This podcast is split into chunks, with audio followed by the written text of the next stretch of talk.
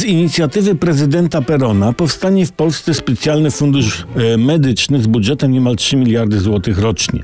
Generalnie w Polsce powstało mnóstwo funduszy z inicjatywy władz. Fundusz to takie środki pieniężne przeznaczone na określony cel.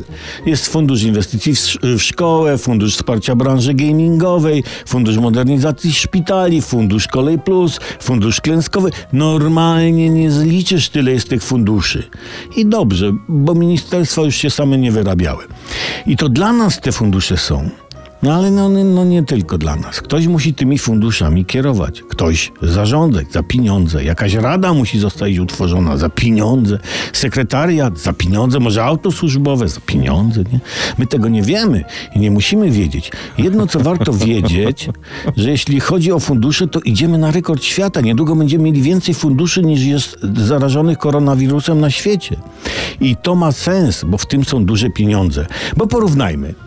Porównajmy. 186 milionów zebrano podczas tegorocznego 28 finału Wielkiej Orkiestry Świątecznej Pomocy. Podczas 28 lat działalności WOŚP zebrano miliard 300 milionów pieniędzy.